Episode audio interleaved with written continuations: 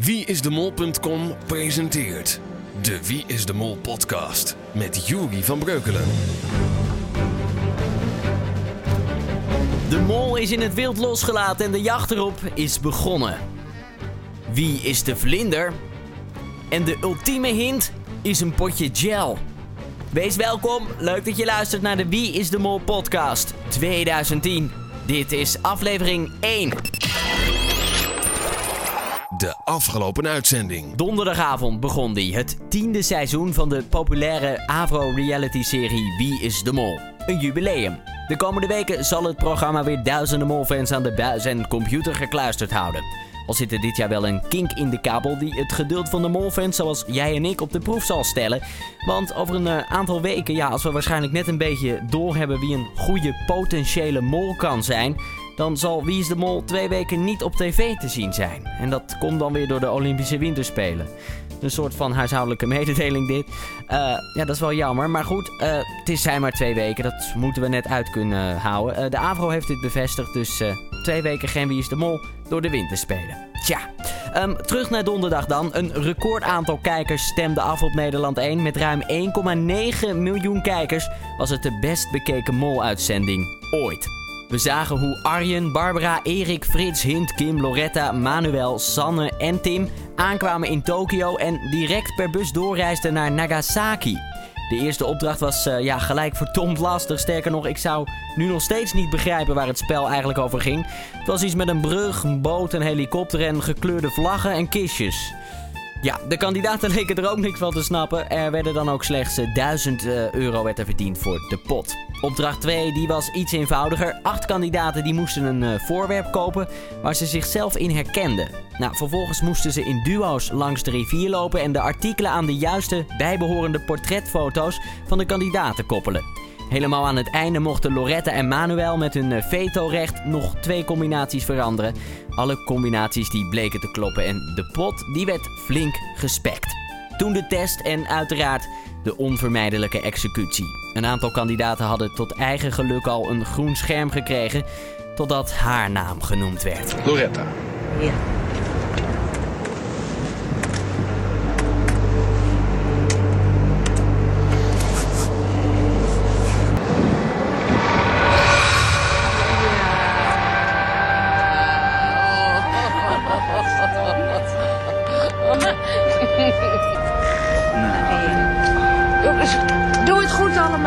Ja, ah, daarmee was Loretta spijtig genoeg de eerste afvaller van deze serie. En ja, het is met alle respect al de derde uitzending, uh, of de derde, uh, derde seizoen, waarbij de oudste kandidaat zeg maar als eerste afvalt. Ja, dat is jammer, ja. Uh, de pot wordt beheerd uh, door Tim Akkerman. En dankzij de 1000 uh, euro in de opdracht 1 en de 2000 euro in opdracht 2... zit er nu wel geteld 3000 euro in de pot. De quote van de week. Ja, de quote van de week. Daarin laat ik elke week een hilarische, opmerkelijke of emotionele quote horen uit uh, de laatste uitzending. Nou, de eerste quote die staat op naam van ex-direct-zanger Tim Akkerman. Onwijs goed voorbereid kwam hij aan in Japan. We hebben het kunnen zien. Hij had zelf thuis al zo'n uh, mollenboekje gekocht en had hierin enkele nuttige Japanse zinnen geschreven.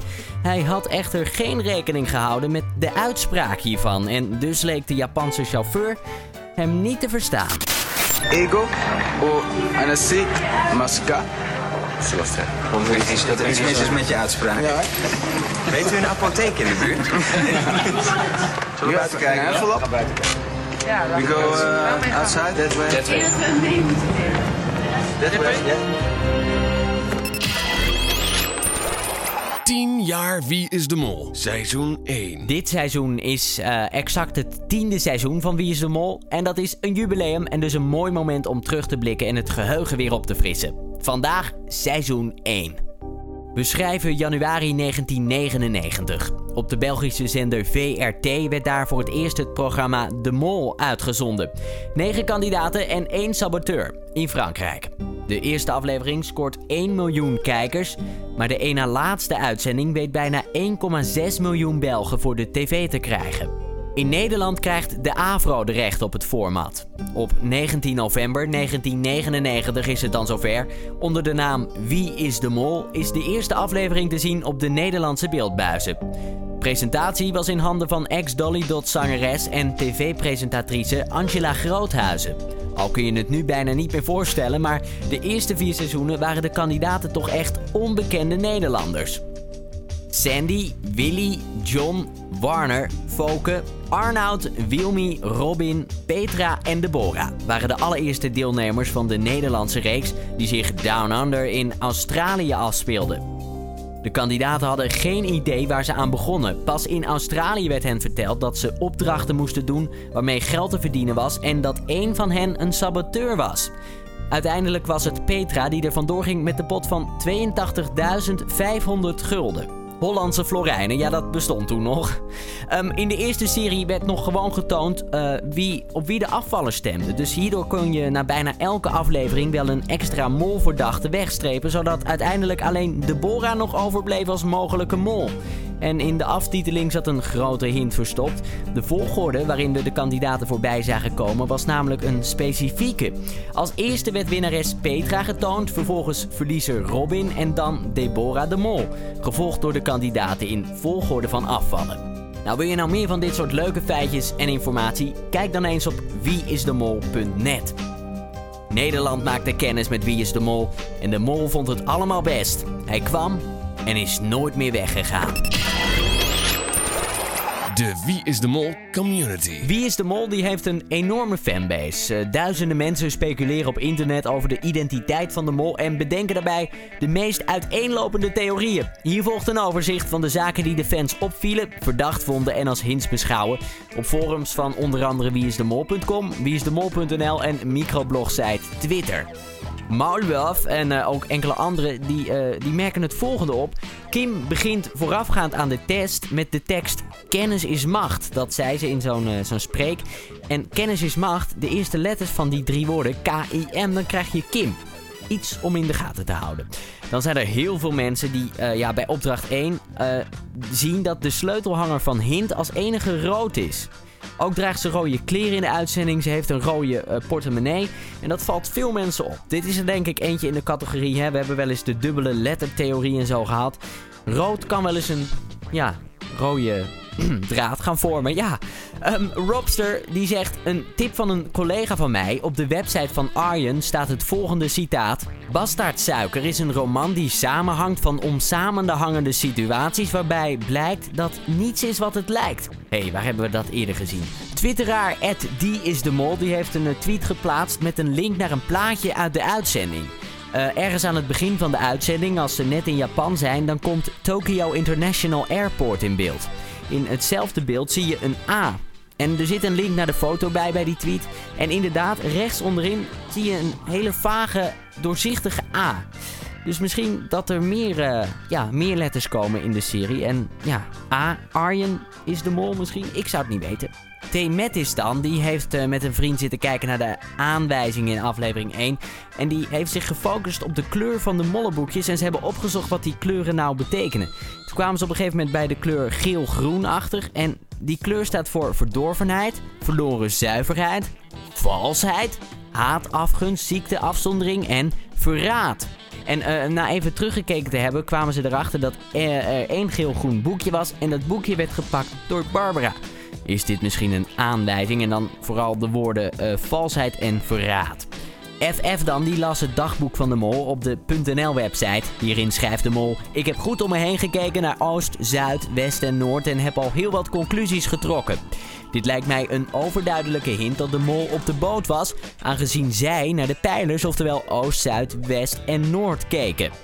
Joost de Broodje die zegt: Mijn theorie van dit jaar, de Hint-Hins-theorie.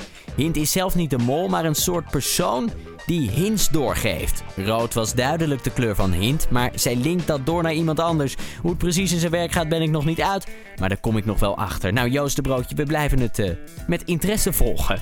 J die heeft wat opvallende dingen opgezond. Frits heeft hoogtevrees, zegt hij, maar daar is niks van te merken als hij de brugpijler naar boven klimt en er bovenop staat. Denk niet dat dit iets is, maar het kan ook door de montage zo lijken. Sanne pakt in eerste instantie geen molboekje. De mol heeft geen molboekje nodig. Tim wist dat Barbara zat te kloten bij die windrichtingen terwijl hij er niet bij was. Tims vriend Sanne was daar ook niet bij, dus zij kan het ook niet tegen hem verteld hebben. Heeft Tim nog een andere vertrouweling of was het algemeen bekend? En tot slot Hint is aan het eind van de aflevering de enige die letterlijk in de camera zegt dat ze nog geen vriend heeft. De mol heeft geen vrienden nodig. Tot zover de Wie is de Mol community na aflevering 1. Het is tijd voor de theorie van de week. De theorie van de week. Dat houdt in dat we een theorie die op internet gevonden is, ja, even extra belichten en in het zonnetje zetten. En die theoriebedenker mag zich dan theoriebedenker van de week noemen. Daar komt hij. De eerste theorie van dit seizoen, theorie van de week, die is bedacht door Califax en betreft zijn Arjen Continu eerste theorie. Califax heeft de aflevering nog een keer goed bekeken en montage-technisch valt op Arjen is de eerste die te zien is in de leader. Arjen is de eerste die in beeld komt met de biecht op Schiphol. Als eerste in beeld met een biecht op Tokyo Airport. Als eerste in beeld met een biecht in Nagasaki. Arjen is de eerste die de test maakt. En Arjen wordt als eerste genoemd bij de executie. Ook was Arjen de eerste die samen met Hint in beeld kwam om langs de zuilen te lopen in opdracht 2. Dat heeft hij bijzonder goed opgemerkt. Ehm, ik heb het ook niemand anders zien, zien posten. Ja, of het iets betekent of niet, ja, dat weet je eigenlijk nooit. Maar het zou zomaar eens kunnen, want het, is wel, het zijn niet drie dingetjes. Nee, het is een hele lijst met dingen dat Arjen toch daadwerkelijk eerste was. Maar we zullen het nauwlettend in de gaten gaan houden. Kelly Fax, jij bent de theorie van de weekbedenker na aflevering 1. Het Mol Undercover spel. Tijd om jouw kennis over wie is de mol te testen. Welkom bij het Mol Undercover spel. In de 10 seizoenen dat uh, Wie is de Mol bestaat, deden er ook 100 kandidaten mee. Weet jij nog wie ze waren? Een Wie is de Mol deelnemer is undercover gedoken en een aantal aanwijzingen zijn de enige manier om te ontdekken wie deze persoon is. Je krijgt straks een aantal hints in de vorm van een cryptische aanwijzing, fragmenten of omschrijvingen. Deze leiden je naar een kandidaat van Wie is de Mol uit één van de 10 seizoenen. Kan jij uitvinden wie? Volgende week onthullen we welke molkandidaat undercover dook en geven we nieuwe hints voor een nieuwe kandidaat. Je kan er niks mee winnen. Het is puur voor jezelf een leuk spelletje om, te, om uh, ja, te denken van wat weet ik nog van die 10 seizoenen? Wat is er blijven hangen? Haal de spion in jezelf naar boven, want het spel gaat beginnen. Evidence 1. Altijd tot aan de overwinning. Altijd tot aan de overwinning. Evidence 2. Deze deelnemer is altijd in voor een goed gesprek. Deze deelnemer is altijd in voor een goed gesprek. Evidence 3. Een Spaanstalige verdorie. Een Spaanstalige verdorie. Dat waren ze, de drie hints. Weet jij wie er undercover is? De muzikale hint. Goed, genoeg spanning. We gaan snel door met de muzikale hint. Dit jaar, let op, gaan de muzikale hints weer over de mol. Vorig jaar gingen ze over de afvallen die in de volgende aflevering zou afvallen. Dat is deze keer niet zo. Ze gaan weer over de identiteit van de mol. Dit hoorde je afgelopen vrijdagmiddag bij Schiffers.fm op Radio 2.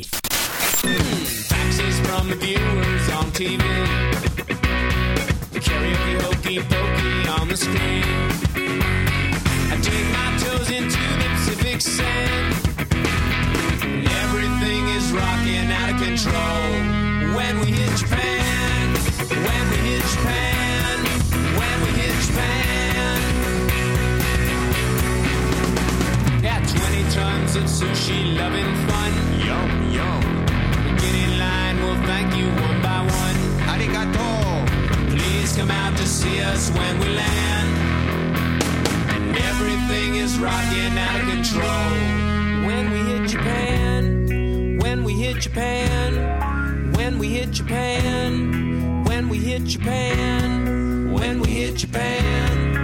Japan.